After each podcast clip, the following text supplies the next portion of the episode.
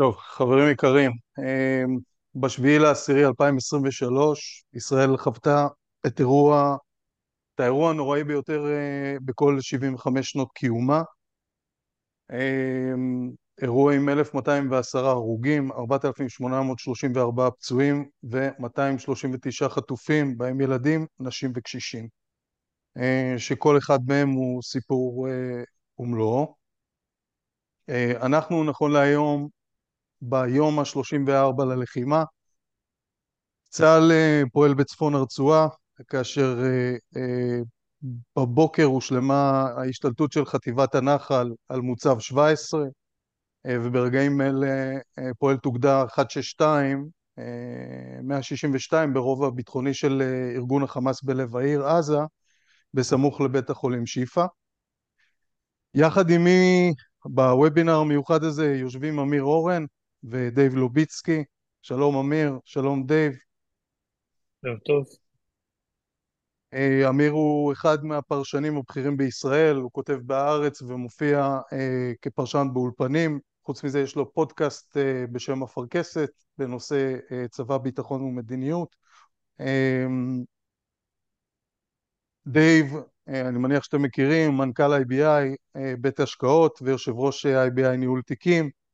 אה, דייב הוא בעל ניסיון של שנים אה, בשוק ההון אה, והביא את IBI לתוצאות שיא בשנים האחרונות. לגבי הוובינר עצמו, הצבנו בקשה לאמיר ליצור שלושה תרחישים צבאיים אפשריים, תרחישים שיכולים להתקיים מהפחות סביר לסביר, ועליהם נשוחח, ומיד אחרי ניתוח התרחישים מבחינה צבאית נעבור uh, למשמעות הנושאים ברמה הכלכלית, uh, ובהתאם, uh, ובהתאם לכל אחד מהתרחישים, דייב ייתן כלים שהם כלים פרקטיים לתהליכים שאפשר ואולי יש לבצע בהחזקות של כל אחד ואחד מאיתנו. כאמור, כמובן שכל האמור לעיל אינו מהווה ייעוץ ושיווק השקעות, ייעוץ פנסיוני, תחליפי ייעוץ או כל דבר כזה שמתחשב בצרכיו של אדם. אה, אמיר ודייב יקבלו כל אחד כחצי שעה, בסוף נשאיר זמן לשאלות. אה, בכל מקרה חשוב לי להגיד, במידה והשיחה מתנתקת אה, כי קורים דברים, אין מה לעשות, אנחנו בימים שהם ימים לא רגילים, פשוט לחזור וללחוץ על הלינק שקיבלתם ונתחבר שוב. זהו, אם אין עוד דברים אז אנחנו נתחיל. אמיר, אולי ניתן איזשהו סוג של סקירה קצרה בהתחלה על מה שקורה עכשיו, על האתגרים שניצבים בפני צה"ל, ואחר, ולאחר מכן אה, נעבור אה, לתרחישים, אם זה בסדר מבחינתך.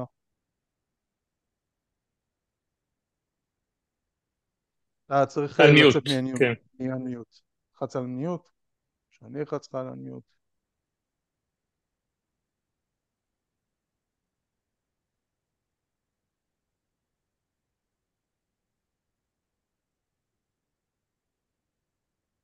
חשבתי שעשינו את ה-unmute קודם, אוקיי. לא, לא, אז, הנה, עכשיו שומעים אותך כולם. תודה רועי ושלום uh, לצופים. Uh, במקרה הגעתי הנה ישר ממפקדת אחת האוגדות uh, מצפון לגבול, בין אשקלון לגבול, וכדי לחלוק איתכם את הרשמים uh, שהם uh, סוג של ביופסיה. זה אמנם רק רקמה אחת, אבל הם uh, מייצגים את המצב, נעשית שם עבודה יוצאת מהכלל, שבהשוואה אליה האסון של השבעה באוקטובר הוא עוד יותר נורא. כי מתברר שבהתקפה צה"ל הכין יכולות מרשימות ביותר.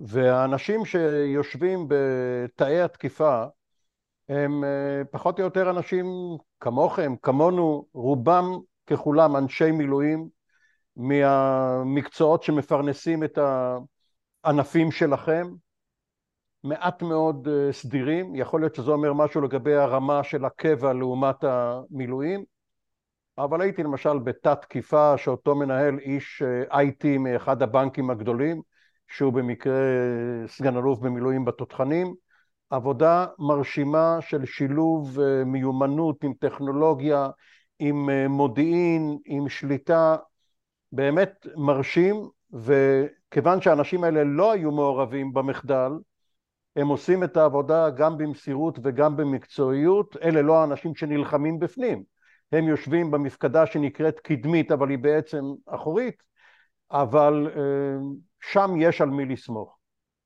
אז זה רק אה, כהערת פתיחה, משום שאם אנחנו עדיין תחת הרושם הקשה והמוצדק של השבעה באוקטובר, אנחנו לא נדע איך הצבא עובד עכשיו כשהוא קיבל משימה והוא כבר בפנים, וכפי שהיה ברור אה, עוד בתחילת השבוע, אין לו בעיה גדולה עם אה, אותן הפוגות הומניטריות. זה בעצם היה די אה, תכסיס ישראלי לטעון שאי אפשר, להבדיל מהפסקת אש, וגם עליה אפשר לדבר, אבל הנה סוחרים בהפוגות הומניטריות כדי לתת לביידן הישג משהו, כלשהו.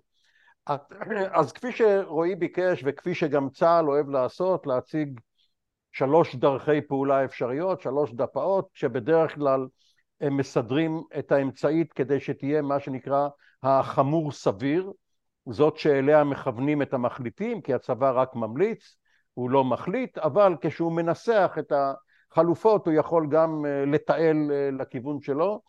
אז חיברנו בצורה אה, סכמטית, אולי פשטנית, שלושה תרחישים שאני קורא להם הרע, הטוב והמשוער.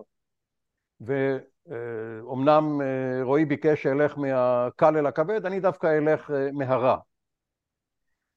אז אנחנו היום ב, ביום השלושים וארבעה, יש משמעות למספר הזה, כי אחרי שלושים וארבעה יום נגמרה המערכה בלבנון ב-2006, מה שנקרא מלחמת לבנון השנייה, שהייתה בעצמה ארוכה מדי.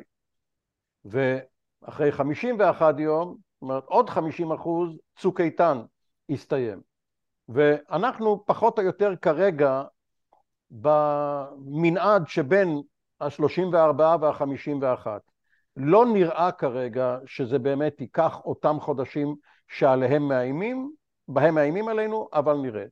אז התרחיש הרע קודם, התרחיש הראשון שהכותרת שלו זה הסתבכות אינסופית בדרום והסלמה אזורית בצפון ובמזרח. תהיה לחימה עיקשת מאוד של חמאס מתוך המנהרות, עד עכשיו הם כמעט ולא יוצאים מהמנהרות, אלא כשהם רואים שיש מטרה של צה"ל שמפתה אותם, וצה"ל מתקדם וכובש והורס, אבל תהיה לחימה עיקשת מתוך המנהרות, במקביל צה"ל יצליח להתנקש בשלושה ארבעה בכירים, ביניהם מוחמד דף, שהוא אחד משלושת המנהיגים לצד אה, סינואר ומרואן עיסא, הוא לא יצליח לאתר ולמצוא את שני האחרים, ולכן לא יוכל לטעון לניצחון לפי הגדרת המטרות, ההגדרה הראשונית של השבוע הראשון, שממנה כבר הממשלה נסוגה בתחילת השבוע השני, כאשר נכנסו אה, גנץ ואייזנקוט וכאשר היה לחץ אמריקאי להוסיף את שחרור החטופים וביניהם כעשרה אמריקאים לרשימת או לראשות טבלת מטרות המלחמה. עוד אחד ממנהיגי החמאס זה סלאח ארורי שיושב בביירות. עד עכשיו, מאז 2006, ישראל מנהלת הרתעה הדדית עם אה, חיזבאללה, לא התנקשה בלבנון או אפילו בלבנון מחוץ ללבנון, הפעם מחליטים להתנקש בארורי שהוא פלסטיני אבל תחת חסותו של נסראללה ומתנקשים בו בביירות או מחוץ לביירות אבל בלבנון והתגובה של אה, נסראללה היא הרבה מעבר למה שקורה בחודש האחרון, הוא משגר טילים, את הטילים המדויקים שהוא שומר, לבסיסי חיל האוויר, אמנם חיל האוויר פורס את הטייסות שלו בשדות חלופיים, אבל יש פגיעות בנתב"ג, אולי גם בסביבת דימונה, תחנות כוח, מלחמה מאוד רצינית. אה, בני ערובה מתחילים להיות מוצאים להורג מול המצלמות. אומר סינואר, בכל שעה אני הורג גבר, אישה, תינוק, עד ש... נותן רשימת uh, תביעות. ואז נתניהו, שהגישה שלו היא אה, תמות נפשי עם פלישתים, והפרסים גם, לא רק פלישתים, הוא מביא לקבינט הצעה לתקוף את התשתית הגרעינית באיראן. כי בתרחיש הזה, בעיני נתניהו, וחלק מזה כבר נדון וצונזר, זה כבר מאחורינו, זה כבר היה לפני שלושה שבועות, בעיני נתניהו מה שקרה בעזה זאת המדרגה התחתונה, אומנם מדרגה רעה, אבל הוא דורך עליה בדרכו למדרגה הבינונית של חיזבאללה, ומחיזבאללה לתקיפת איראן, כדי שלפחות הוא יוכל להירשם כמי שהרס את התשתית הגרעינית באיראן. אז כשהוא מביא את זה להחלטת הקבינט, אייזנקוט מתנגד בתקיפות, גנץ כדרכו מסתייג אבל לא שובר את הכלים, נתניהו משיג רוב לתקיפה ויש עימות חמוש, לא גרעיני, בטילים ובהפצצות עם איראן, אבל איראן תוקפת לא רק את ישראל, היא כמו שאיימה תוקפת את בחריין, את קטאר, בקטאר ישנו הבסיס האווירי האמריקאי הכי גדול באזור, אל-אודייד, בבחריין ישנו הבסיס של הצי החמישי של, של חיל הים של פיקוד המרכז של סנטקום, יש רבבות חיילים, כ-40 אלף חיילים אמריקאים ועוד אזרחים רבים, יש אומרים 100 אלף במפרץ, כולל בסעודיה, והאיראנים בכוונה תוקפים את המקומות האלה, זה גורם לכעס גדול של ביידן על ישראל, והוא מתחיל לעכב את הרכבת האווירית של התחמושת, וישראל בלי טילי תמיר של כיפת ברזל, בלי פגזים, אפילו פגזי 155 מילימטר אין מספיק לישראל, בלי uh, פצצות uh, קוטר קטן SDB של חיל האוויר לא יכולה לפעול, ישראל מתחילה להיות במצוקה, רוסיה לא מנתקת את היחסים אבל מחזירה את השגריר ובסעודיה כבר פתאום יש uh, ניסיונות הפיכה נגד המשטר, גם במצרים ובירדן ששם חוששים מאוד מהמוני פליטים, חוששים שזאת מזימה ישראלית להציף את ירדן ומצרים בפלסטינים, לנתניהו יש חלום עתיק שאומר ירדן היא פלסטין, אם הפלסטינים ישלטו בעמאן אני לא צריך לוותר בגדה המערבית. בישראל בינתיים יש מאות חללים, גם בעורף. תראו, היום אנחנו, ב, לפחות לפי מה שפורסם עד עכשיו, ב-34 חללים בדרום ועוד שמונה בצפון. 34 חללים זה סדר גודל של אה, קראמה ב-68 ומבצע ליטני אחרי עשר שנים. זה רף מסוים שהציבור הישראלי התרגל לו במערכות. אם זה יתחיל להצטבר מעבר לזה, הציבור צפוי לאבד את סבלנותו, כי את 1,400 הנרצחים, שזה נורא ואיום, כבר גילמנו, אנחנו כבר יודעים, זה מאחורינו, עכשיו אנחנו רוצים למנוע הישנות של מקרים כאלה. אבל אם יתברר שהמחיר בעזה הוא בעורף עם הטילים הולך וגדל, אז אה, יישמע מרמור בציבור ויתחיל להוות משקולת על המחליטים. עסקים בוודאי יהיו במשבר, מילואים מגויסים כבר החודש השלישי בתרחיש שלנו, יצטרכו להאריך את שירות החובה, לא רק לא לקצר אותו משלוש שנים בצורה מדורגת, אלא להאריך אותו ל-40 חודש או שלוש שנים וחצי. יש הפגנות המוניות של אנשים קצרי רוח שקוראים לגנץ ולאייזנקוט לעזוב את הממשלה ולנתניהו להתפטר, לפזר את הכנסת ולהקדים את הבחירות. וכל זה סביב סוף 23, תחילת 24. זה התרחיש הרע. רק לפני, בהתאם לימים האחרונים שאנחנו חווים, האם יש איזשהו סוג של שינוי בתרחיש הזה? אנחנו רואים דברים הופכים להיות אה, אולי לרעה, אולי לטובה? אני אשמח לשמוע. תראה, כשאתה מדבר עם אנשים בצבא, גם uh, במטכ"ל וגם uh, במפקדות בשטח, הם משום מה מאוד מרוצים מהקצב, משום שזה uh, פועל לפי התוכנית שלהם. הדיוט uh, כמוני תוהה מדוע אין פה איזושהי הברקה, איפה המבצעים המיוחדים, מה קרה, איפה איזו תחבולה. אז זה נכון ש...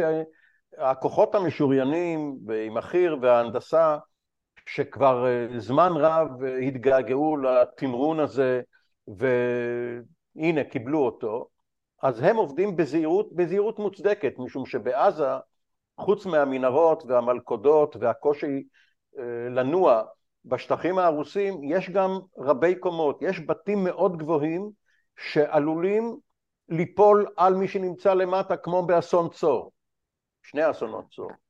ו, ולכן התנועה הזהירה היא חלק מהעניין והם גם לא מרגישים לחץ זמן, אבל יהיה לחץ זמן בעיקר מדיני. כרגע צבאית הם מרוצים מעצמם, אבל זה מתוך המקצוע הצבאי. כשמשקיפים מסתכלים מבחוץ ובעיקר בוחנים את הזירה הדיפלומטית, אין כל כך הרבה זמן, זה לא יכול לקחת כל כך הרבה חודשים. אז לכן נעבור לתרחיש השני, שהכותרת שלו היא שבירה פתאומית בחמאס.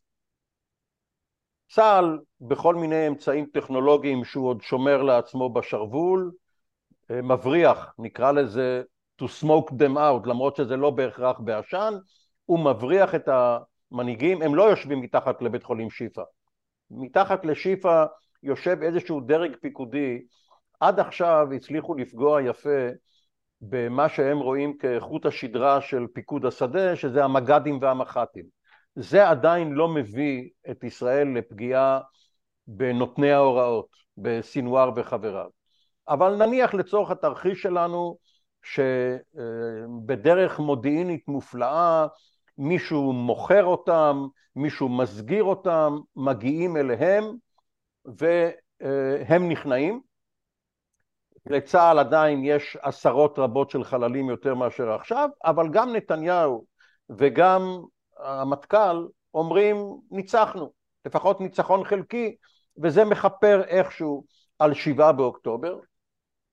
נתניהו מסרב להתפטר, והוא חושב שכיוון שגנץ ואייזנקוט וגדעון סער יישארו ומבחוץ תהיה לו תמיכה מסוימת, הוא זורק את בן גביר ואת סמוטריץ' מהממשלה והוא שורד, גם גנץ תומך בו וגם ליברמן אה, נעתר, נכנס ו- ותומך.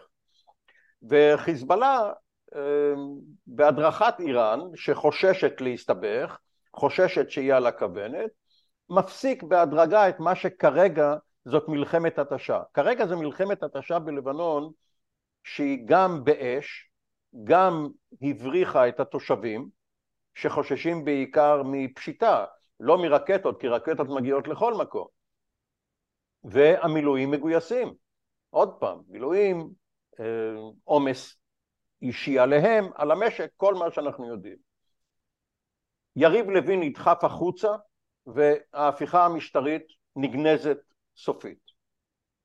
ואז, כיוון שלביידן יש אה, עניין מוצהר בקידום תהליך מדיני, אני ממליץ לכם לקרוא מה שאמר בלינקן אתמול בטוקיו, בתום ועידת ה-G7, הוא נתן, מצא שמונה נקודות למה צריך לקרות.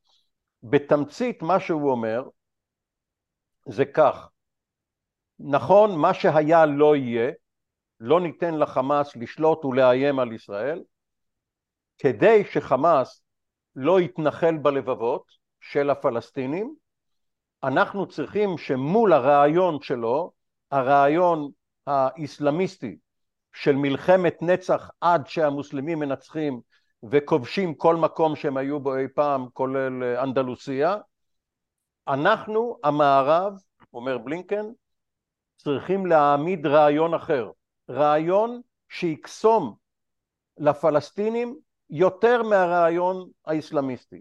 הרעיון הזה יכול להיות רק רעיון המדינה הפלסטינית העצמאית שבירתה מזרח ירושלים. היא תהיה מפורזת, היא כמובן לא תאיים על ישראל, אבל אנחנו, ממשל ביידן, ב-11 החודשים שעוד יישארו לנו עד הבחירות, חייבים להוביל תהליך מדיני נמרץ וישראל לא תוכל לומר לא. ואז בעזרת רוב מתון בציבור הישראלי, בהנחה שהבחירות תוקדמנה, תוקם ממשלה אחרת, והציבור הישראלי למד את הלקח של השבעה באוקטובר, שאסור להיות שאננים, והסיפור הזה של לא מלחמה ולא שלום לא יכול להתקיים, כי הוא מביא לכך שכן תהיה מלחמה, אז הציבור הישראלי מוכן שאותם חמשת אחוזים, חצי מיליון מתנחלים מנהלים עשרה מיליון ישראלים. 95 אחוז החליטו שמספיק והם מוכנים ללכת לכיוון מרכזי של ביטחון עם שלום, המשק מתאושש, משקמים את מערב הנגב, בצפון חיזבאללה מורתע כי הוא ראה מה קרה לחמאס וימות המשיח הגיעו. זה התרחיש הטוב. שנייה, רק לפני, לא דיברנו בתרחיש השני על מתי זה קורה ואם זה קורה עם חטופים, בלי חטופים, חלק מהחטופים. כן, אז אמ, את העניין של העסקה שמרתי לתרחיש המשוער, אבל אפשר לדבר גם עכשיו על השלבים האפשריים. חמאס חטף את ה-240, הוא לא, לא העלה בדעתו שיהיו כל כך הרבה, לא ציפה לכישלון ישראלי כזה ולהצלחה כזו מצידו, הוא חטף אותם כנראה מלכתחילה רק לעסקת אסירים, רק לשחרור אותם ששת אלפים שפעם סינואר היה אחד מהם והוא נשאר מחויב, כשהוא יצא בעסקת שליט, הוא נשאר מחויב לשחרר גם את, את החברים שנשארו מאחור. החטיפה הזו גרמה לשני דברים.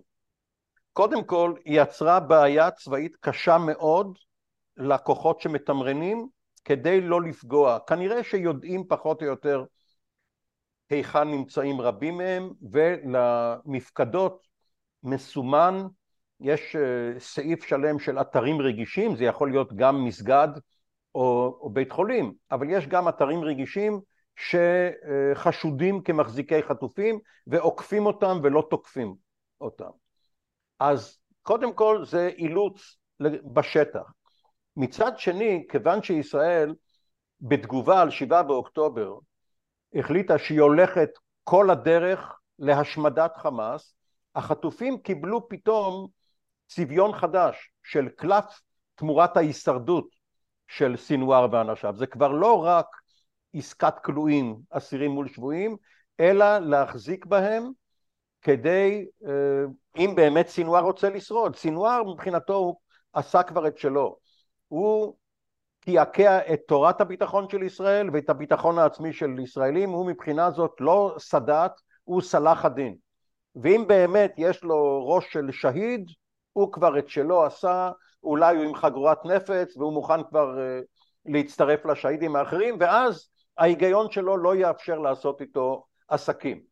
ואם כך, הוא לא ייתן uh, את החטופים uh, רק כדי להישרד, לצאת uh, בעסקה לקטאר או לטורקיה או לאיזשהו מקום. אנחנו עוד לא שם, עוד לא הגיעו אליו, כנראה עוד לא דיברו איתו בכלל, אלא דיברו סביבו, ומנסים להפעיל מנופי לחץ, אז כרגע נראה, וזה גם מההצהרות הרשמיות של ישראל, כשנתניהו אומר לא תהיה הפסקת אש בלי עסקת חטופים, אתה שומע את הכן מתוך הלאו. כן תהיה הפסקת אש אם ישוחררו חטופים. ובעצם זה לא משנה כמה חטופים ומי.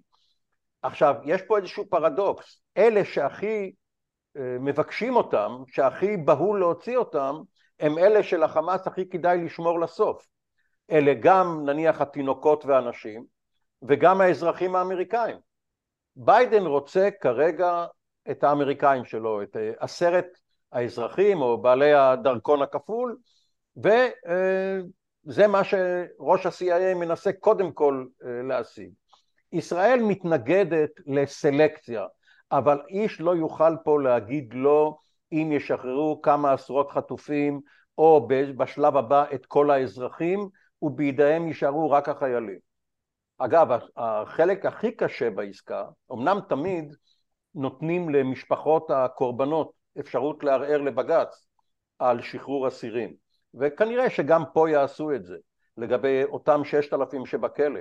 החלק הכי קשה יהיה לגבי אותם רוצחים שנתפסו עכשיו, אלה שהיו מעורבים בשבעה באוקטובר בטבח, כי גם אותם ידרשו.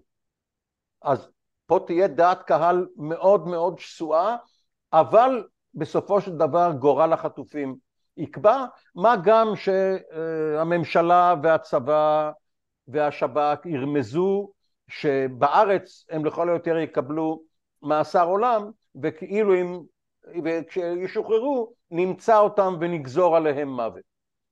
אז אפשר להניח שעסקה כזו אה, תהיה אם סינואר ודף מעוניינים לשרוד ליום אחר. אז בואו נעבור באמת לתרחיש השלישי שהוא המשוער, המציאותי, למרות שלא תמיד האמצע אה, מתרחש, ואני גם מתקרב לסוף החצי שעה שלי. אז מה העסקה הזו יכולה לכלול? לפי הדגם של הוצאת ערפאת מביירות ב-82, זו עסקה של חילופי כל האסירים תמורת כל החטופים, וחסינות ארעית ומוגבלת למנהיגי חמאס שיוצאים לקטר, אם אה, האמריקאים אה, יסכימו. טורקיה לאחרונה דווקא התחילה לגרש מנהיגי חמאס, אבל אם תהיה בקשה ישראלית באמצעות הברית, הם כן יעשו את זה. ובמאזן, ובזה נגמרת המלחמה.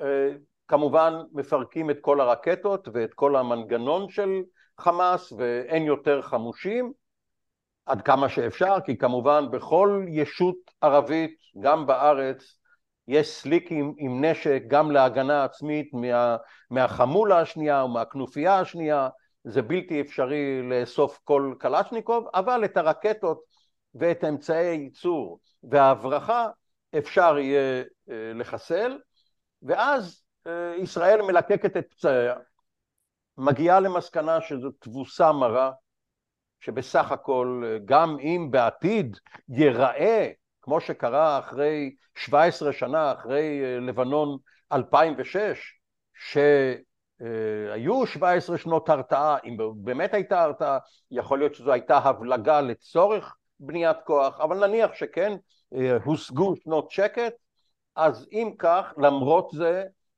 ישראל ספגה את המכה הקשה בתולדותיה, תהיינה בחירות, והצטרף רובד חדש ודור חדש של מנהיגים, או שני דורות, חלק בני 60, חלק בני 40, אה, אותם אלופים במילואים שפתאום הצטיינו כאן בגבורה אישית והתבלטו יחד עם אה, דוברי המחאה ואנשים שקודם אה, ישבו בנוחיות בבית או במשרד ועכשיו הבינו שחייבים דרך הפוליטיקה לנסות לשנות ותהיה ממשלת מרכז עם הטיה קלה שמאלה רק במובן הזה של נכונות ללכת עם ביידן לאותו הסדר מדיני שיאפשר גם אה, מדינה פלסטינית. עכשיו בעזה, מה יהיה בעזה? כוח רב-לאומי לא סביר, כי כולם כבר למדו את הלקח של לבנון, שבהתחלה מתקבלים יפה ואחרי זה פיגועים, אז לא יהיה שם חמאס וגם לא ג'יהאד איסלאמי פלסטיני, אבל יהיו כנופיות. וישראל לא רוצה כמובן להיות שם ולהיות מטרה שוב לפיגועים ולמנהרות פנימיות, אז יהיה שקט בגבול גם משום שתהיינה רצועות ביטחון, גם לאורך מה שנקרא ציר הוברס, גדר הגבול, עד השטח העירוני, גם בצפון, מה שנקרא התוחמת הצפונית, איפה שהיו פעם אה, היישובים אה, דוגית ואלי סיני, ובדרום ייתכן שיישאר אותו ביטור של עזה מדרום לדיר אל בלח, או מה שקראו פעם מסדרון מורג, כדי שאפשר יהיה לשלוט על מה שקורה בצפון. המצרים מאוד מודאגים כשישראל אומרת שהיא מציעה לאוכלוסייה לנוע דרומה עד רפיח. אז הפסיקו להגיד את זה ורק אומרים דרומה מנחל עזה. וכמובן השלום עם מצרים הוא ההישג האסטרטגי הכי חשוב ואסור אה, לסכן אותו. ישחררו את המילואים בחלקם, בעיקר בצפון, כי זה יירגע שם לפחות בצורה שלא יהיה צורך בהכנת כוחות להיכנס לדרום לבנון. ודירוג האשראי עדיין ישקף ספקנות, כי תושבי אה, מערב הנגב עוד לא חזרו, הם מחכים בחוץ שישקמו את היישובים ולראות אם הסכנה הוסרה, ותושבי הצפון יחזרו כי שם הבתים לא נפגעו והיישובים לא נפגעו, אבל שוב עם אה, מזוודה ארוזה למקרה שיצטרכו לצאת, ואחרי הבחירות כאן ולפני הבחירות בארצות הברית יהיה אותו תהליך מדיני שביידן יוביל. כי אין לו חלופה אחרת וזאת הדרך שלו גם להראות מנהיגות מול טראמפ או אם טראמפ כבר יורשע אז אולי הוא לא יהיה המועמד הרפובליקאי אבל כדי שביידן יזכה בפעם השנייה ובעוד 11 יום הוא בן 81 זה כבר אה, לא נער וגילו ניכר בו אז הוא צריך להראות הישג, באוקראינה לא יהיה לו הישג, מול סין לא יהיה לו הישג וכאן המשבר הזה נתן לו הזדמנות להישג. זה תרחיש הביניים המשוער שיש בו הרבה תקווה והרבה משאלות לב. עד כאן. בואו נדבר קצת על טיפה על טווחי הזמנים ואז uh, נעבור uh, uh, לדייב ובסוף uh, כמובן נשאיר זמן לשאלות. כשאתה מדבר על שלושת התרחישים האלה, כמובן שאי אפשר לדעת uh, בוודאות מוחלטת אבל בסופו של יום אנחנו מדברים על חודשים, אנחנו מדברים על שנים, על מה אנחנו מדברים בעצם? אז תראה, כשהזכרת קודם את מוצב 17 והמתחם הביטחוני, וכשאתה רואה את זה על, ה, על הצגים במפקדות, אז זה יכול להטעות, כי במקומות מסוימים הכוחות נמצאים רק 500 עד 700 מטר מהמטרה הסופית שלהם. אבל במאות האחרונות האלה של המטרים הם הולכים עקב בצד אגודל כי אלה הכי קשים ולא רואים עדיין לא קריסה ולא שבירה אבל אלה דברים שאתה לא רואה סדקים הולכים ונפערים זה פתאומי. למרות שמדברים על חודשים אני אישית לא מאמין שזה יכול לקחת יותר מעוד שבועיים שלושה בלי שהלחץ המדיני יהיה בלתי נסבל. הם לא עובדים בוואקום, בתרגילים, אגב בשום תרגיל, בשום תרגיל בצה"ל אי פעם לא היה תרחיש כמו שבוצע עכשיו, כמו זה שהיה הטריגר. מה שקורה עכשיו בעזה זה כבר כן, לפי איום הייחוס ובניין הכוח ו, וכל מה שתרגלו, אבל מה שגרם לזה אף פעם לא אה, עלה אפילו בדמיון, ולכן להגיד שאם התוכנית אומרת שיש הרבה זמן לעשות את זה ולא כדאי לרוץ כי יהיו אבדות וזה לא יהיה יעיל, זה לא אומר שבעוד שבוע, שבוע וחצי לא יקבלו הוראה, חבר'ה אין זמן, עכשיו תרוצו כמה שתספיקו, כי עד נניח סוף נובמבר זה הזמן ש, שנותנים לנו מוושינגטון בין Thanksgiving ל Christmas או New Year's. אמיר, תודה. אנחנו נעבור אליך, דייב. ערב טוב. טוב, אז אה, אחרי שלושת התחרישים האלה אני רוצה רגע לזוז רגע צעד אחד אחורה ולדבר באופן כללי על אה, מה ההשפעה של אירועים אה, גיאופוליטיים על תיקי השקעות ועל נכסים פנסיוניים. והתשובה המשמחת לכל הסיטואציה הדי נוראית שאנחנו נמצאים בה, שההשפעה של האירועים באופן כללי היא נמוכה. ואם לוקחים אחורה ומסתכלים גם במלחמות גדולות בעולם, אני אגיד משהו מוזר, אבל השפעה ברוב המקרים היא אפילו חיובית. אה, וזה, וזה כאילו לא אינטואיטיבי, אבל השקעות זה בכלל דבר לא מאוד אינטואיטיבי. אה, והסבר אה, די פשוט למה מלחמות ואירועים גיאופוליטיים משפיעים באופן חלש מאוד, באופן יחסי על, על, על, על, על השקעות ועל נכסים ועל כלכלה, שבסוף שווי הנכסים שלנו מחזיקים הוא קשור בתזרים העתידי הארוך שאותם נכסים ייצרו. עכשיו יש נפגעים מאוד מאוד ברורים מה, מהסיטואציה שאנחנו נמצאים בה. כנראה שקניונים לא יהיה להם רבעון טוב, כי אנשים בדיכאון ולא מסתובבים, ומסעדות אפס, למרות שבתל אביב גם מתחילים לראות ניצנים של חיים. לא, כולו, לא מתחשק לנו אה, לרוץ אליהם, וחברות התעופה יהיה רבעון מחורבן. אבל אם ניקח את זה בפרספקטיבה טיפה יותר גדולה, יהיה להם רבעון מחורבן. זאת אומרת, ואנחנו גם הרבה פעמים רואים אחרי מלחמות, או הדבר הכי דומה למה שאנחנו נמצאים בו מבחינה כלכלית, זה היה הסיבוב של הקורונה. אוקיי, אז היינו בכלוב, שלושה חודשים, ארבעה חודשים אחרי הקורונה, התחיל פה, התחיל פה בום שאי אפשר היה לקבל חדר מלונות אה, אה, אה, בישראל. ובעיקר באירועים גיאופוליטיים אה, צריך לחשוב אה, מה לא עושים. ולא מה כן עושים. ועל זה, אנחנו, על זה קצת נדבר היום, נדבר היום יותר, כי יש לנו באבולוציה שלנו יש לנו תמיד צורך אה, להגיב ולעשות דברים, ולעשות שינויים, ולבחון את ההתאמות, וזו אשליה. זו אשליה. זה נכון רק במקרים שבהם לא התכוננו למצב. זאת אומרת, בכלל לא חשבנו, לא נתנו את הדעת, לא תכננו אה, אה, את תיק הנכסים שלנו, נעזרנו במישהו לתכנן, לתכנן את האירוע. אבל אם נסתכל שנייה רגע על תיק הנכסים של הציבור הישראלי, בסך הכל התיקים די מאוזנים. רוב השוק, 50-60 אחוז מהרכיב המנייתי הוא בחוץ לארץ, בכלל גם תחילת השנה הזאת עם ההפיכה המשטרית לא, לא הזיזה יותר מדי, וכשהתחיל הבלגן הנוראי הזה אה, ב-7 לאוקטובר, בעצם מה שסידר את התיקים בתחילת האירוע זה היה הרכיב הדולרי. הדולר ביום וחצי עלה באזור, תהיה לו גם בקידומות 4.06, ובעצם כל הירידות שהיו בתל אביב כמעט במלואן נספגו, וכל התיקים נמצאים ב, ב, ברמות, ברמות החזקות ירידות. הרכיבים האג"חים, הרכיבים הסולידיים, אה, האירוע הזה אחרי כמה ימים של הלם, אה, גם פתאום הסתכלנו עליהם ואמרנו, אוקיי, אנחנו כל הזמן בסביבה של עליית ריבית, מפסידים כסף באגרות חוב, תקופה נוראית, אין סיכוי שבתוך האירוע הזה הממשלה המשוגעת הזאת תזרוק על הציבור גם עליית ריבית. כאילו לא מספיק החריבו לנו את הכל, אז גם יעשו את המשכנתה יותר גדולה וידכאו את המשק לחלוטין. ופתאום התחיל איזשהו ריצה לכיוון אגרות החוב. אז גם פה האיזון הזה בין אג"חים אה, ארוכים ומניות עשה את, ה, את העבודה.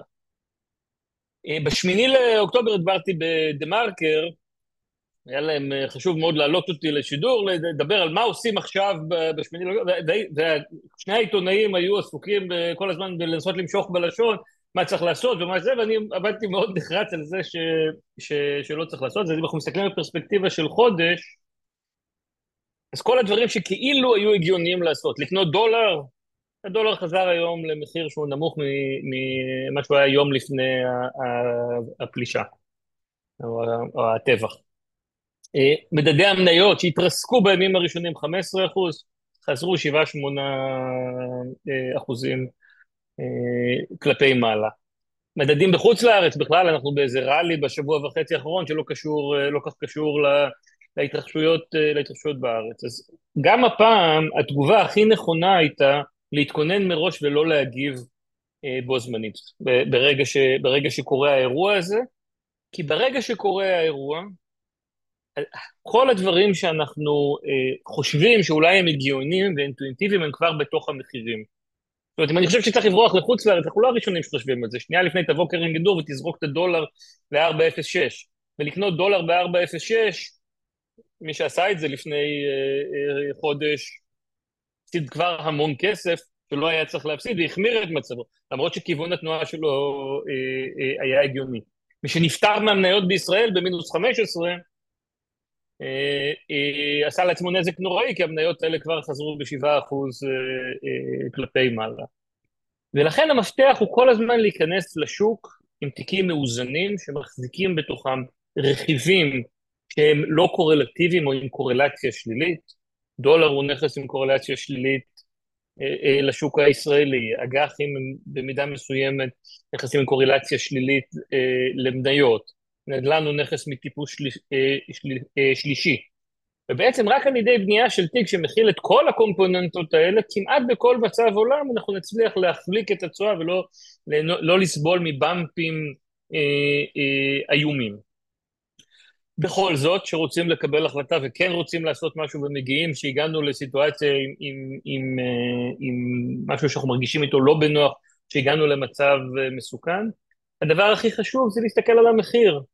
לא רק על הכיוון ולא רק על ההיגיון ולא לא האינטואיציה. כל פעולה שאנחנו עושים בהשקעות, תמיד אנחנו או קונים משהו או מוכרים משהו, רק אנחנו לא כל כך אוהבים להסתכל על המחיר, אנחנו אוהבים להסתכל על המגמה.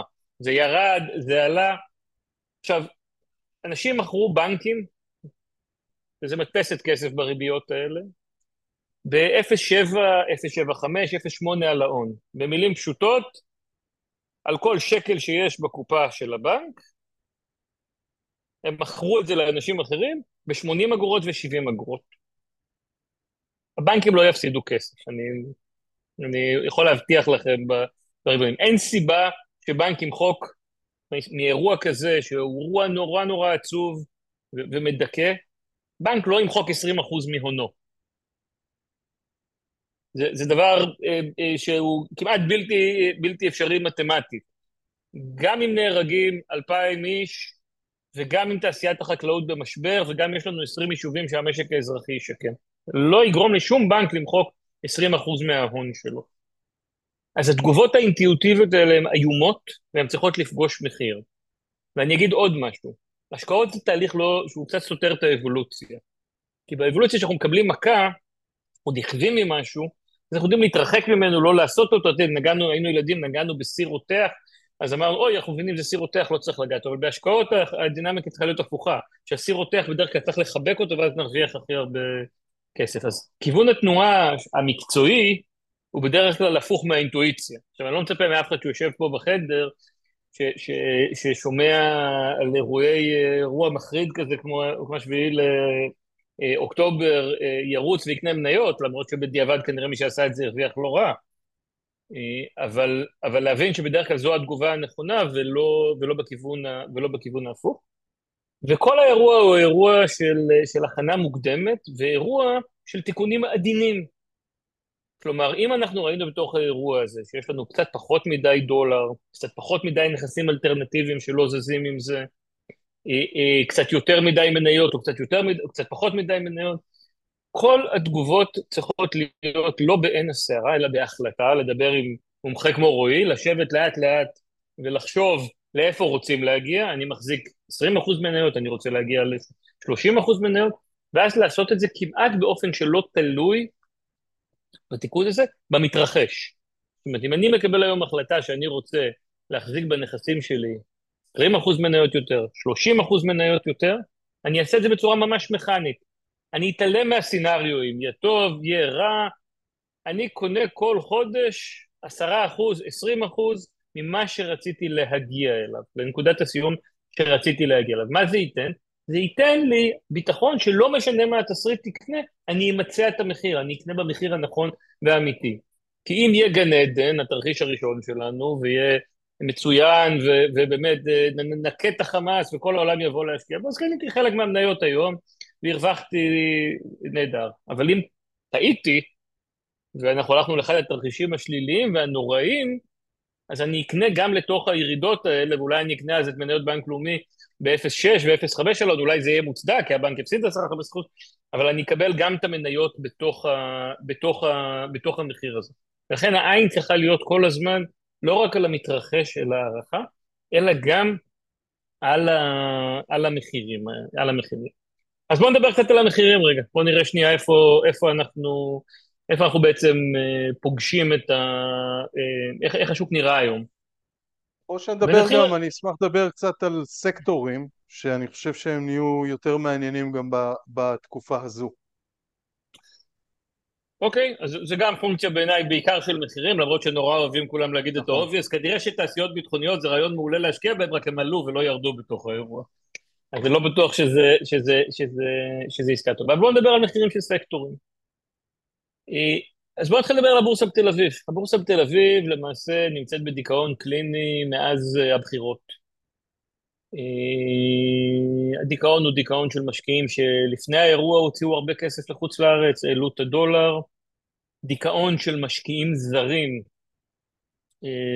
שלא הבינו, שלא הבינו מה, זה, מה מסתובב במשרד האוצר, למה אין ראש רשות ניירות ערך, למה אין ממונה על שוק ההון, למה אה, מופיע שר האוצר עם אה, דגל ירדן, ישראל וירדן כממלכה מאוחדת בקונפרנס בלונדון, אה, ולמה הוא מכחיש את ההתרחשויות ומתנהל מאוד מוזר מול חברות הדירוג, והייתה פה יציאה מדודה של המשקיעים הזרים. לצערי הרב, אגב, לתוך הלחימה הייתה יציאה אדירה של משקיעים זרים מארץ. כל הירידות שראינו במערכת הבנקאית זה לא הציבור הפעם, אני ככה פתחתי בדברים ודיברתי ככה על הציבור, וזה לא הציבור, מכרו משקיעים זרים, אה, כי אנחנו פסיק בתוך תיק ההשקעות שלהם, וכולם ישבו וחשבו מה אנחנו צריכים עכשיו, קודם היה רק, רק ממשלה של משוגעים, עכשיו גם, גם מנסים לכבוש אותם, אז אולי זה לא הזמן הכי טוב אה, להחזיק את האחוז הזה בתוך התיק של, של מדינת ישראל. המחירים בתל אביב היום נוחים, חד משמעית נוחים. אבל בשביל שהמחירים האלה יתבטאו ויעלו ויגיעו למחירים כלכליים, אנחנו צריכים תרחיש מאוד מאוד מאוד חיובי באזור פה. ניקח את התרחישים שהוצגו פה קודם, אז ממש התרחיש האופטימי של שלום עם סעודיה ו... ישראל הפכה, הבורסה בעיקר, הפכה ללא מעניינת. זה מאוד מצער, אני דור שני של, של שלי החבר בדירקטוריון הבורסה עשרות שנים, ובאמת, הבורסה קרובה מאוד לליבי, אבל היא הפכה ללא רלוונטית. היא הפכה ללא רלוונטית משתי סיבות. אחת, הכלכלה הישראלית לא מיוצגת בבורסה בתל אביב. הכלכלה הישראלית היא כלכלה עמותת הייטק, וההייטק מנפיק בחוץ לארץ. אז הכלכלה הישראלית מוטה בנקים וחברות נדל"ן ישראליות, אבל בגדול היא יוצרת שם, לא, אף אחד מהניקיות הטכנולוגיה שהתפתחו לנו פה בעשור האחרון לא נסחרת בבורסה, בבורסה בתל אביב. והסיבה השנייה שהבורסה בתל אביב הפכה לצערי ללא רלוונטית, אה, היא אה, הגודל של הגופים הפנסיוניים בישראל. בישראל אנחנו בשנים האחרונות עם פנסיה חובה, גופים הפנסיונים, גוף כזה, הראל כזה, מקבל מיליארד שקל בחודש. אין לו מניות לקנות בתל אביב. הוא, הוא קונה את המניות בתל אביב 35, את הבנקים, את, ה, את החברות הגדולות, השוק נהיה לגמרי שוק של קרנות גידור, נהיה איזה מין בורסה משנית, ולכן תקומה גדולה בבורסה בתל אביב, ואיזו רפלקציה שלה, ואיזו הנחה, לא משנה מה מהתרחישים האחרים, בבורסה בתל אביב, אני, אני פחות, אה, פחות, אה, פחות רואה, זו חשיפה ראויה, אבל אם הייתי צריך לשים את השקל שלי בדברים בישראל, אז הייתי אה, קונה אגרות חוב. אחרי הרבה מאוד שנים שלא היה מה לעשות עם כסף בישראל, בחוב ובסולידי, יש ריביות. אפשר היום לקבל, אג"ח ממשלתי לעשר שנים, אפשר לקבל ארבע, ארבע וחצי אחוז, זה נחמד. אם תרד, האינפל... תרד, אם ירדו הריביות פה, נעשה קצת רווחי הון, יש חברות ראויות שאפשר לקנות אג"חים קונצרט שלהם, מקבל עוד אחוז וחצי, שניים. אז אני את הרכיב השקלי בתיק, אה, לא הייתי מחפש סקטורים, רועי, כמו ששאלת, איזה הימור מאוד גדול על בנקות, הייתי מקבל חשיפה מנייתית, יחסית מדדית, בלי איזה, בלי איזה רעיון, למרות שהבנקים ככה באמירת אגב, הם, הם כנראה די זולים. אה, אבל הייתי קונה אגרות חוב.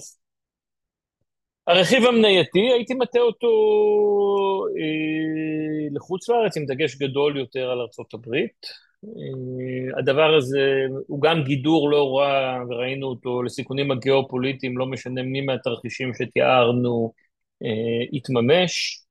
ההשפעה על החברות הגדולות והמובילות בעולם היא תקרה, הברית לא מנותקת מהכלכלה, אבל תהיה תמיד בעצימות יותר נמוכה מהבית משוגעים שאנחנו, שאנחנו אה, נמצאים פה, ולכן הלוקציות של 50-60 אחוז מהרכיב המנייתי בחוץ לארץ, לכל אחד מהתרחישים שאנחנו מתארים פה, הם, אה, הם סבירים אה, מאוד.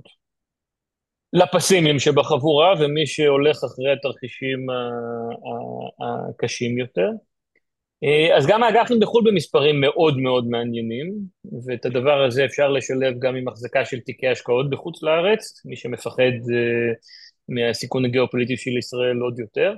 וגם פה, אחרי הרבה מאוד אה, שנים, בהחלט ניתן לראות תשואות של 6, 5, 7, אם הולכים לדברים קצת יותר אקזוטיים. וניתן לייצר תיקי אגרות חוב קונצרניות בקלות רבה אה, וגם השקעות בחוב פרטי אה, בתשואות מאוד מאוד יפות, הריביות בסך הכל מאוד גבוהות בארצות הברית וזה בהחלט מקום שאפשר לנוח בו ולהרגיש בו הרבה יותר טוב ממה שהרגשנו בשנתיים האחרונות, בשנתיים האחרונות בסך הכל כמעט כל הרכיבים הסולוידיים הפסידו המון כסף והדבר הזה נבלם בשבועות האחרונים, כי בעצם יש איזו תחושה שאנחנו מסיימים את הסייקל של, של עליות הריבית בכל הסביבה העולמית הזאת, שבסך הכל הייתה מאוד מאוד עוינת, אה, מאוד עוינת להשקעות. אה, אז מי שפסימי בהחלט זמן, זמן לבדוק, ואנחנו מקבלים, מקבלים איזושהי הפוגה בדולר, שגם אפשר לקבל את ההחלטה הזאת שאנחנו לא ב-4.06, שזה מאוד הטריד אנשים, אוקיי, אני רוצה קצת להוציא יותר כסף לחו"ל, אז יש לנו בהחלט הזדמנות סבירה והגיונית לעשות את זה.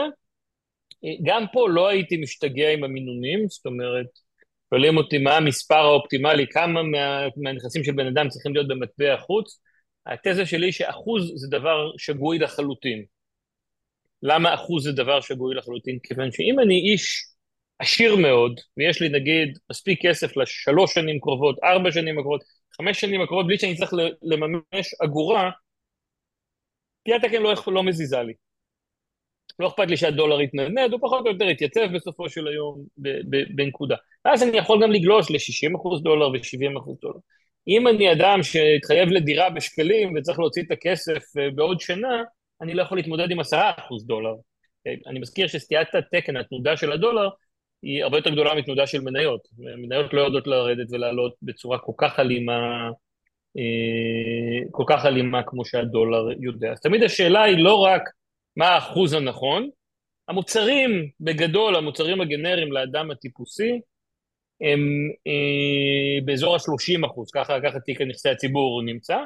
אנשים יותר עשירים יכולים בקלות לטפס, אה, לטפס בהינתן שיש להם מספיק שקלים בשביל הצריכה וה, והשימוש השוטף שלהם עם הדולר, אה, עם הדולר מחליף אה, אה, כיוון או מגמה, לנסות לנחש מה יהיה שער הדולר אנחנו קונים את הדולר כביטוח וכדרך לקנות מנפיקים נוספים, ולא כאיזושהי טכניקה לנחש מה יהיה שער הדולר בנקודה מסוימת, זה משימה שאף אחד ב...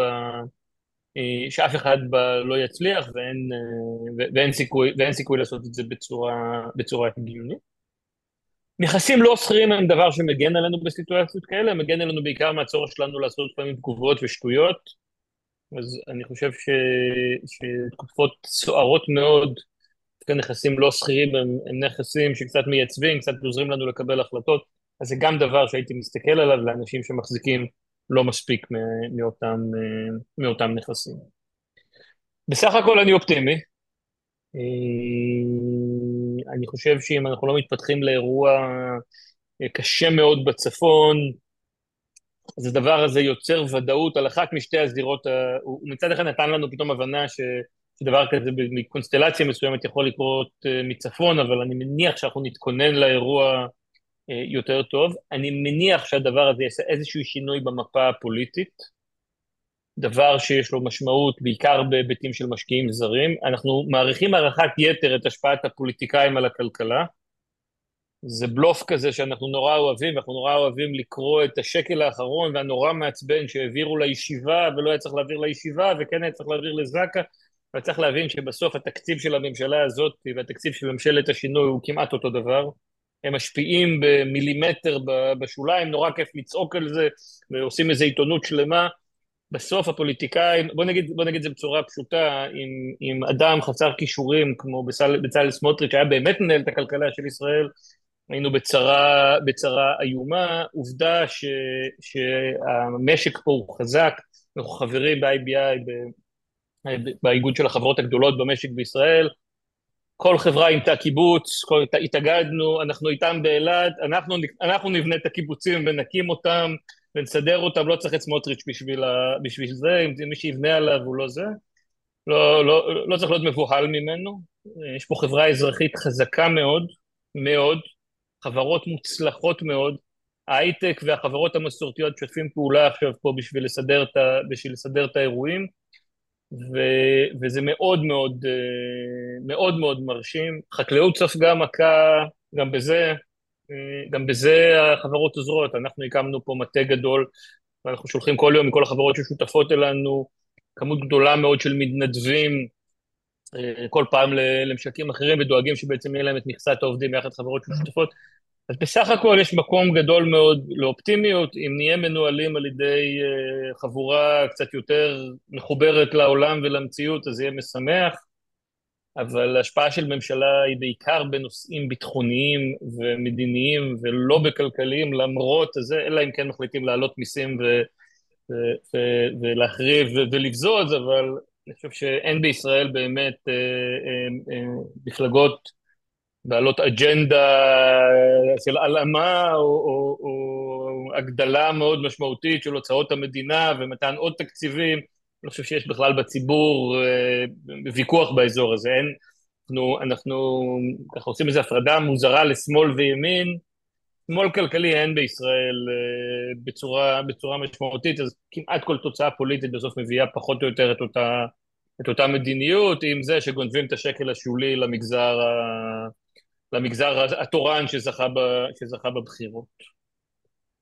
אה, מדינית אני, וצבאית, אני, אנחנו... אני אנחנו הייתי באמת, ו... אה, בדיוק, זה השלב הבא שבאתי לשאול אותך, אני הייתי רוצה לשמוע ממך קצת על ההשפעות של של המלחמה, שבסך הכל, כמה אמרנו, שיום של מלחמה עולה, אם אני זוכר נכון, משהו בסביבות, אה, אה, סליחה, שבוע של מלחמה עולה משהו בסביבות שני מיליארד שקל או משהו כזה, אה, איך זה משפיע בטווח הקצר ובטווח היותר ארוך אה, על מדיניות המיסים ועל בכלל פה ב, במדינת ישראל. אז האירוע פגש אותנו בסך הכל בנקודה סבירה שהרזרבות מלאות. אה, היחס חוב תוצר הוא מהטובים, מהטובים שהיינו בו ולא רע גם בכלל במונחים עולמיים. אה, אפשר במדיניות מופקרת לשבור את, ה... לשבור את האירוע, אבל אנחנו בסוף עוסקים באנשים שאין להם באמת יכולות, אה, אתם יודעים, אנחנו, הם, הם מנסים לחלק כסף ולבזבז כסף בחודש האחרון, הכסף לא, אנחנו קצת מעורבים בתעשיית המלונאות, יש לנו איזה קרן שזה, אז דיברתי עם כמה חברים שמחזיקים מלונות, אני אומר, תגיד, שילמו לכם משהו? אתם מארחים חצי מדינה? לא, לא, אבל באים כל יום ממשרד האוצר להבטיח. זאת אומרת, משהו, אפילו, אפילו, אפילו שהם רוצים לבזבז, כן, אפילו שהם רוצים לבזבז, אז, אז, אז, אז אה, לא מוצאים את הפקיד שיודע ללחוץ על האנטר, או שאחד היועצים המשפטיים מסביר שצריך פעמיים אנטר ב... אז, אז בגדול זה פוגש אותנו בסדר ויש רזרבות, אני מניח שיהיה פה גם איזה צ'ק נחמד מהאמריקאים בתוך, ה, בתוך, ה, בתוך האירוע הזה. בינתיים, כל עוד שאין זירה צפונית, לא נפגעו פה איזה תשתיות, אה, תשתיות, תשתיות איומות, ולכן חלק מהדברים שנפגעו יהיה באונס בק, כזה כמו שאחרי שהיה הקורונה, אוקיי, לא קניתי, כנראה אני אעשה פה סקר בין כל המשתתפים, מי קנה בגדים החודש. אני מניח שכמעט אף אחד לא יצא, לא הגיע לחנות בגדים החודש. אני מנחש ככה מצב רוח וזה. האם אני צריך פחות חולצות? לא, אני צריך חולצות, אז אני אקנה חודש הבא שתי חולצות ולא, ולא אחת, איזה מין דינמיקה. שוב, אני מדבר בציניות, אני, אני כלכלן, אני מסתכל על מספרים גדולים, ברור שיש פה אנשים, כנראה פיצריה בכפר עזה, לא הייתי מחליף איתו... לא הייתי מחליף איתו, והאנשים האלה ייפגעו וזה, אבל זה יחסית בשוליים של הכלכלה. יש פה שני אירועים שאני לא יודע לחזות אותם והם מאוד משמעותיים, ופה הם כן צריכים ממשלה. נעלמו פה שתי קבוצות אדירות של פועלים, אדירות.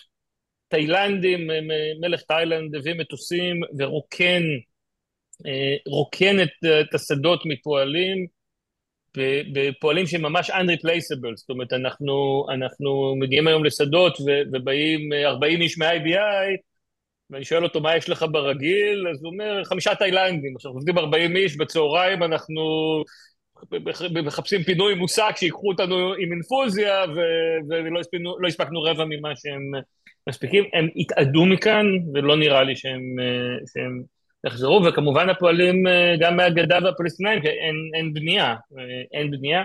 אלה שני אירועים עם משמעויות גדולות, וכן יצטרכו טיפול ממשלתי, להמציא איזה סוג חדש של, של עובדים זרים ש, שיגיעו לפה. היה בהיסטוריה, היו פה רומנים שהיו מאוד מוצלחים והיו פולנים, אבל מישהו צריך לחשוב על הרעיון ו- וליישם את זה. פה כן צריך מדיניות ממשלתית. אלה שני סקטורים שהם כן מטרידים, כי אלה ממש תשתיתיים במשק, זה פשוט אנשים שהתאדו. אז אם אנחנו מסתכלים בעצם על מה שאתה אומר, אה, יותר ויותר נראה פה חק... אה, חקלאות in-house אה, בעצם למה שקורה בעולם, או איך נראה את הנדל"ן בשנים הקרובות? תראה, יהיה פה, יהיה פה איחורים, הנדל"ן שישפיע עליו זה הריבית, לא הפועלים או כן הפועלים. בסוף לכל דבר יש מחיר, ובסוף את הרכבת הקלה בתל אביב בנו סינים והיא נהדרת. אז ימצאו, לא, ימצאו פועלים... אם, אם אין חבר'ה שבונים נדל"ן, ויש דרישה לנדל"ן, ויש לך עלייה שהיא עלייה מחו"ל שנכנסת לפה בעקבות עליית האנטישמיות, כן מה לעשות, בסופו של דבר יש וזה גם פסיכולוגי.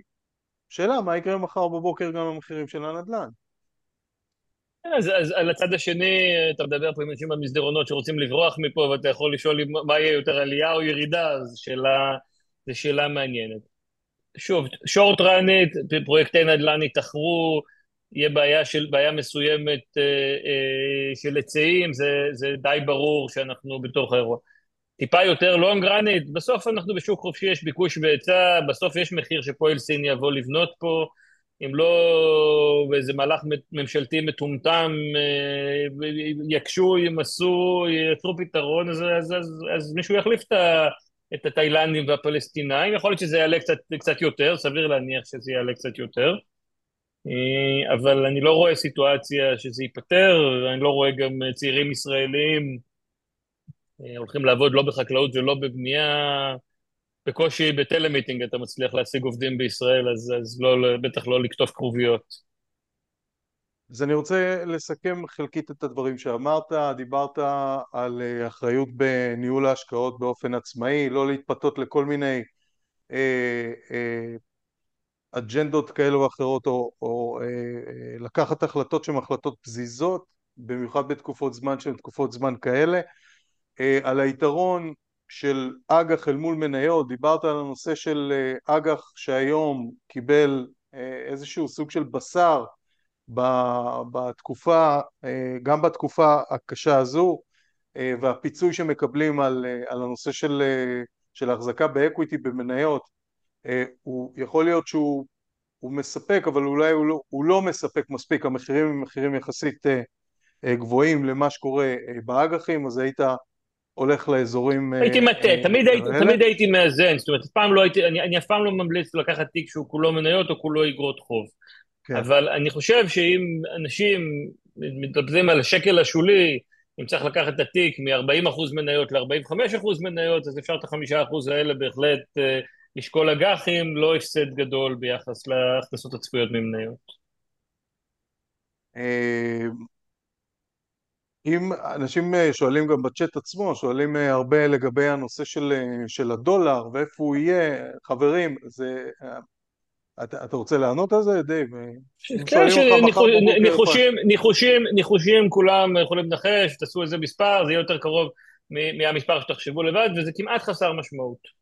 זאת אומרת, בסוף צריך לקחת איזשהו נתח מסוים שקונים אותו כפוליסת ביטוח, ואף אחד פה לא יבואן או יצואן שתלוי בשער הדולר והוא לא יצליח להשלים את הפרויקט, ואם הוא כן אז שיגדר את זה וינהל את זה בטכניקות יותר מתוחכמות.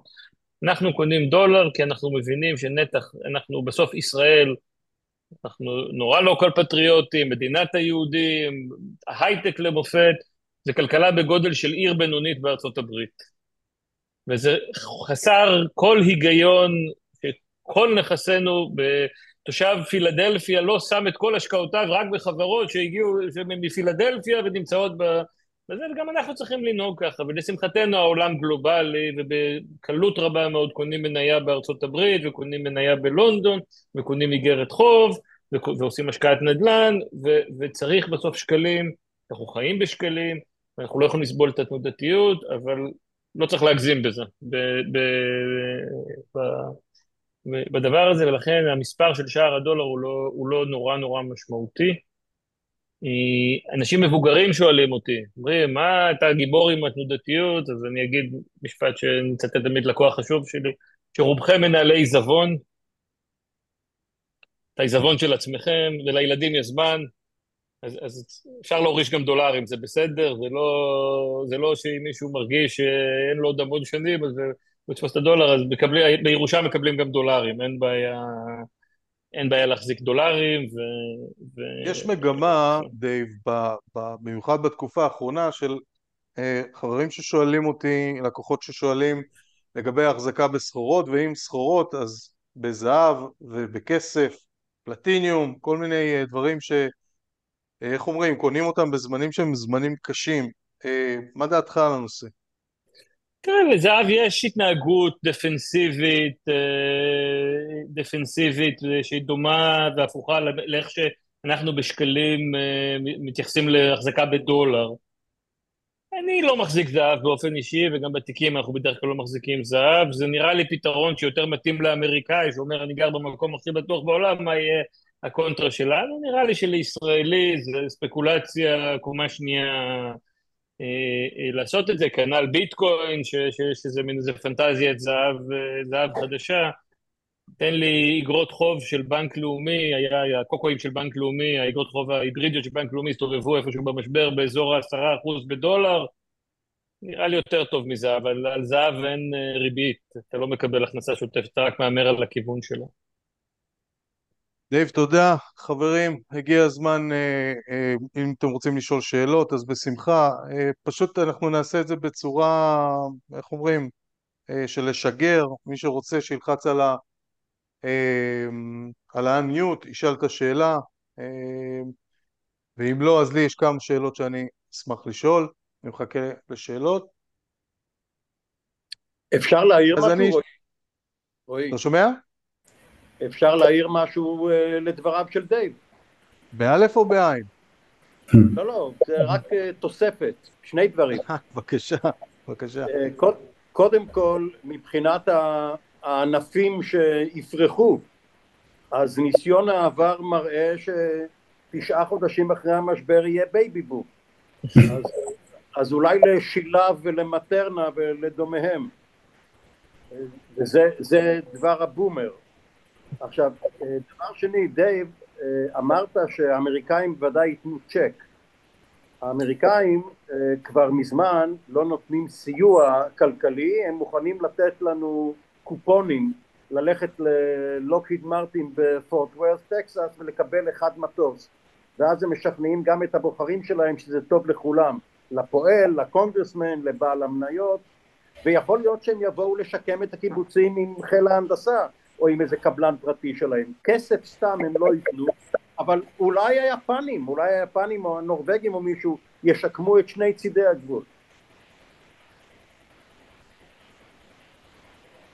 אה, אני הייתי שמח לשאול אותך, אמיר, אני רואה כן. שיש פה עוד אה, זה, אה, כבר אני אתייחס לשאלה שלך, דן. הייתי שמח לשמוע, יש, אנחנו שומעים הרבה על שמועות כאלה שאנשים אה, באים ומפרסמים שיש החלטה להחזיק את המילואים בכוח אה, מסיבות שהן סיבות אה, פוליטיות כאלה ואחרות. שמעת על כזה דבר? מה זאת אומרת להחזיק בכוח? האם צריך את כל המילואים האלה? מה, צו שמונה שיוארך לנצח? כן, אנשים שמחזיקים, כמה יש לנו היום מגויסים אה, מילואים 250? אה, לא, 350. 350. האם צריך להחזיק אה, כל כך הרבה מילואימניקים בעשייה?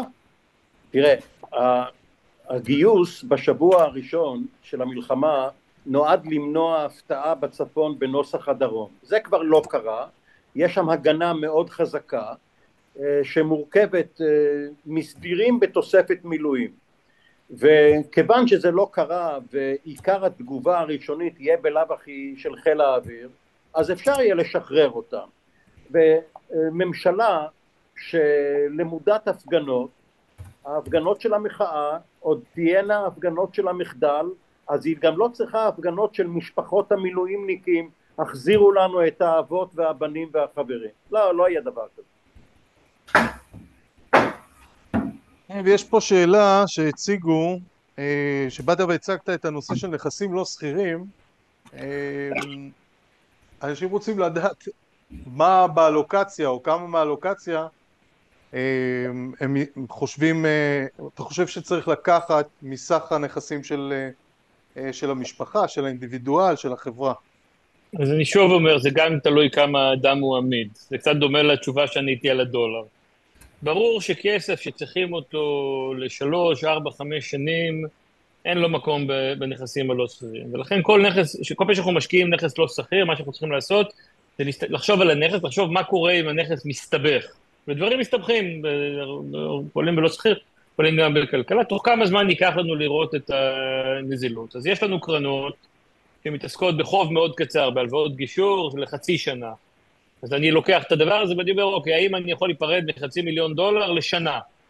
סצנריו גרוע, הקרן מתפרקת, מחזירים את הכסף, האם אני יכול שנה? שנה מתאים לי, מצוין. זה שנה אבל מכל רגע שאני רוצה, לא שנה, זאת אומרת, יכול להיות שאני מבקש היום את הכסף, אומרים לי, למרות שיש לך נזילות, זה עכשיו ייקח שנה. אני יכול להסתכל על נדל"נים, על לקנות uh, השקעות בנדל"ן, אז האזורים שם הם ארבע, חמש שנים, אלה, אלה המחשבות. אז הייתי בונה תיק שבעצם תואם את, את, את צורכי הנזילות שלי. מתחיל בדברים שהם יחסית נזילים או נזילים לגמרי, קרנות שמתעסקות ב-CLO עם קרנות גידור, שהם ממש בתוך 90 יום אפשר לקבל את הכסף. מטייל קצת לכיוון הדברים שהכסף בו נעול או יכול להינעל לשנה.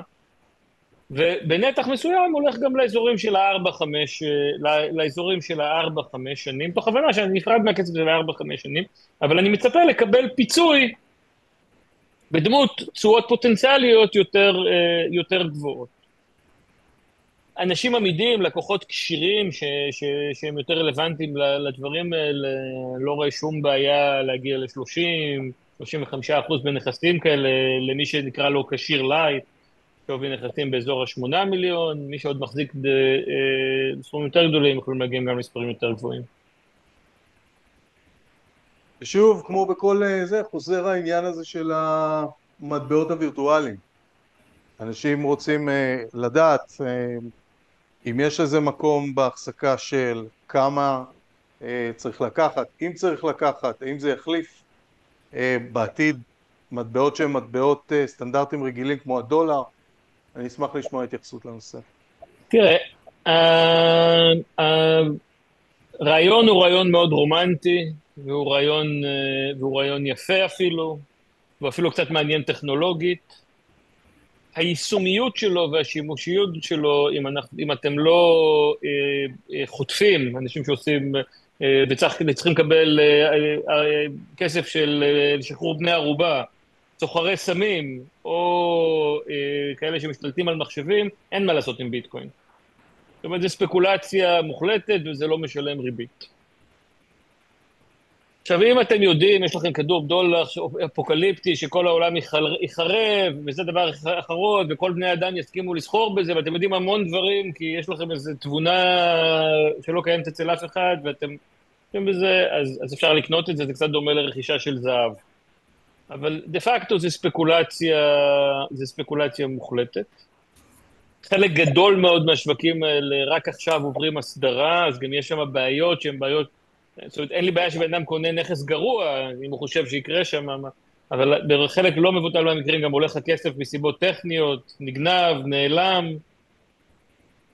אה, יש לחלק מההשקעות האלה מאפיינים קצת דתיים, אתה מסביר לאנשים שהם אה, משקיעים את קריפטוגרפיים, אה,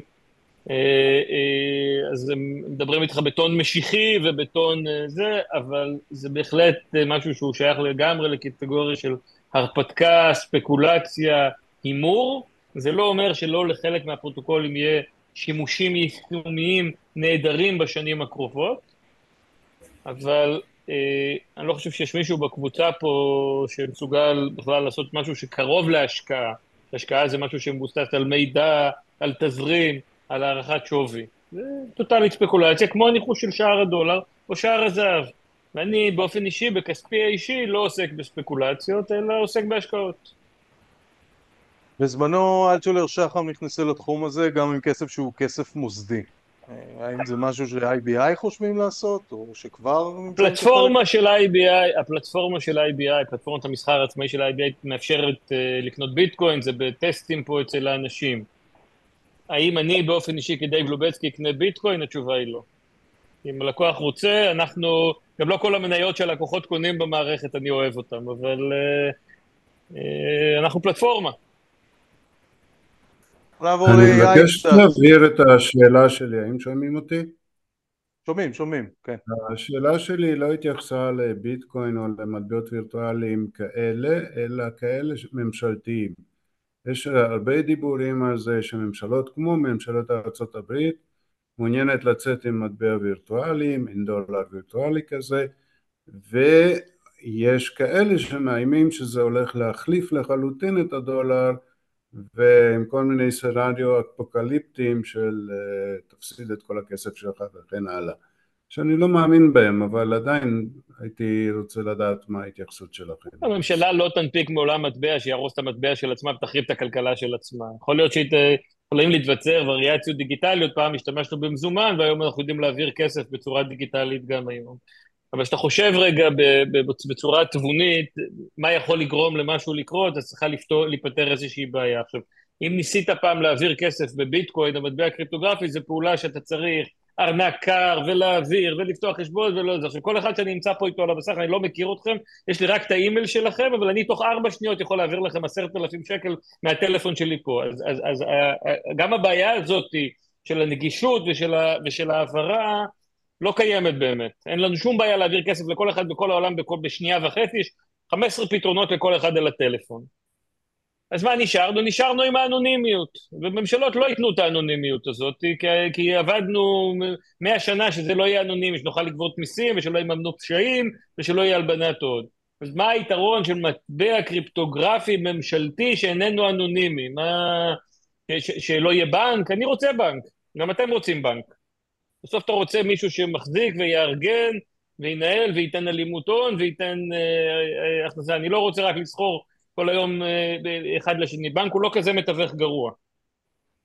עכשיו, אתה יודע, אנשים, אה, אתה יכול לקרוא מניפסטים אה, נגד כסף מזומן ונגד אשראי, ואתה יכול גם לקרוא מניפסטים שהאנטנות דור חמש הדבר הכי טוב שקורה לעולם, הן מחריבות העולם, וגם החיסונים משתילים שבבים, אין גבול לשטויות שהמוח האנושי יודע, יודע להמציא. אבל אני יכול להבטיח לך ששום מהלך שימוטט את המטבע החזק בעולם, בעידוד ממשלת ארה"ב, לא, לא יקרה. מדע בדיוני גרוע. כן. אמרת המטבע החזק בעולם, והסיבה העיקרית שהדולר הוא המטבע החזק בעולם כי הוא המטבע העולמי. אבל יש מגמות להפוך אותו, אה, בעיקר בסין, רוסיה, סעודיה, הודו, אה, פועלים כדי למצוא אלטרנטיבות לדולר. וזה עלול בהחלט להחליש את הדולר. החברות החזקות בעולם, כולן, לא יוצא מן הכלל, תפתח את ה-S&P 500, הן חברות אמריקאיות שקונות ומוכרות בדולר. ברור שאם אנחנו נקום בבוקר ונתחיל לצרוך הכל סיני ולא אמריקאי, נפסיק לקנות אפל ונקנה רק שיומי, ונפסיק uh, uh, להשתמש בוואטסאפ אלא, אלא נשתמש במקבילו היפני ונפסיק להזמין באמזון, אז, אז הסינים יהיו יותר חזקים. הסיכוי שזה יקרה להערכתי הוא נמוך, הכלכלה האמריקאית, המודל האמריקאי הוא נוראי לגור בו, אבל מבחינת משקים, מבחינת חופש, אין שום דבר בעולם שמתקרב אליו. זה באמת ארץ האפשרויות הבלתי מוגבלות כלכלית, לא הייתי רוצה לגור שם שנייה אחת, אבל זו מדינה שבסוף, אם אתה לא עובד ו- ומייצר כסף, אתה מת. ואין שום מקום בעולם שזה דומה לו, ולכן הם העם עם התפוקות הכי גבוהות בעולם, הם עובדים בשביל הביטוח בריאות, אין את כל תשלומי העברה שאנחנו נמצאים פה, ולכן הם הכי יעילים בעולם, הכי יצרניים, ויש שם את הפרמיה הכי גבוהה בעולם על, על, על יצירתיות.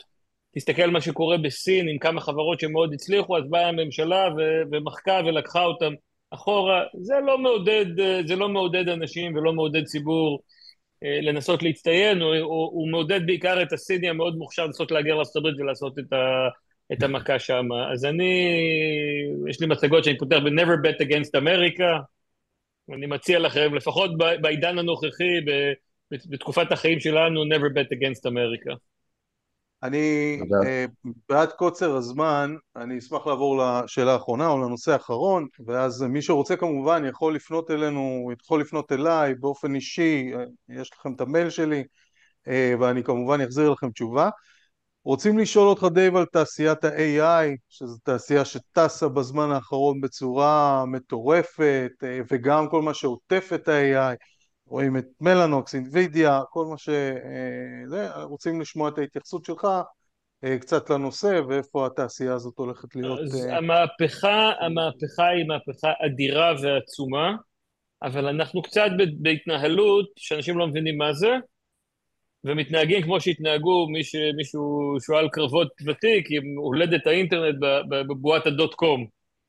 שחו... שאתרי אינטרנט שהיו מוכרים קולרים לכלב, אבל היו מוכרים את זה באינטרנט, pets.com, נסחרו במיליארד דולר. אז AI דבר נהדר, ויש לו המון שימושים, ובאמת הוא, הוא מאוד מקל בהרבה מאוד מקומות שהיינו עושים תהליכים איטיים, ידניים, והוא אפילו גם יפרוץ גבולות בהרבה מאוד תחומים אנחנו רוצים אה, לפעול, והוא ישנה את שוק העבודה, אבל הסיטואציה בפועל היא שבשנתיים האחרונות כל דבר שהיה מתווך נדל"ן הוא היה באמצעות AI ובעצם לקחו כל חברה, ואנחנו פעילים גם בשוק ההון סיכון, בהשקעות בסטארט-אפים, כל סטארט-אפ שעושה, לא משנה מה, הוא עשה את זה באמצעות AI, תמיד זה מצחיק אותי בעולמות ההשקעות, כולם עושים AI, אז צריך מאוד מאוד להיזהר מבאזוורדס בהשקעות ולהבין שכרגע כל הסקטור הזה, לא שהוא מתומחר עד הקצה, הוא מתומחר אה, אה, שבע פעמים על הקצה, ומאוד מאוד מאוד דווקא להיזהר. אה, וזה לא מקטין, בשונה מביטקוין, שגם הבסיס הוא בולשיט, פה הבסיס הוא אמת, אנחנו באמת בהפיכה ש, שהיא יוצאת דופן. העניין הוא שזה במחיר, וגם במחיר של דברים שלא קשורים לזה. אה, אז מאוד מאוד להיזהר דווקא. אפשר רגע להעיר משהו בעניין של AI? רועי.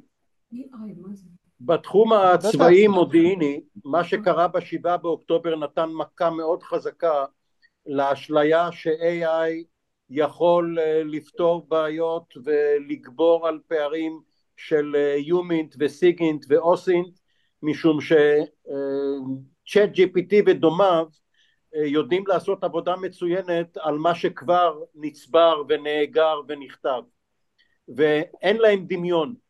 והם לא היו מסוגלים ובאמ"ן מאוד אה, בעיקר באמ"ן עוד יותר מה שבזרועות אחרות של קהילת המודיעין מאוד אה, התפארו בשנים האחרונות במיון כל מיני נתונים של מטה דאטה ש-AI עשה. אז הסתבר שאת סינואר זה לא הרשים והוא לחש לאחמד באוזן לבוא למסגד ועכשיו תהיה הערכה מחדש של המשקל היחסי, כמובן איש לא מזלזל בזה, אבל learning וה-artificial intelligence uh, התבררו, כפי שדייב אומר, יותר כבאזוורד מאשר כפתרון אמיתי. חברים, אני רוצה להודות לכם uh, על הזמן ועל הצפייה, ואני רוצה להודות לכם, דייב ואמיר, על, ה, על ההשתתפות uh, בוובינר הזה. Uh, שאלות, אני בשמחה, אתם, אתם מוזמנים לשלוח לנו וליצור uh, איתנו קשר, אנחנו נשמח לענות. אני מאחל לכולנו ולכל מי שסובב אתכם ימים שקטים. תודה. תודה, תודה רבה, ימים שקטים. ערב טוב. ערב טוב, דייב.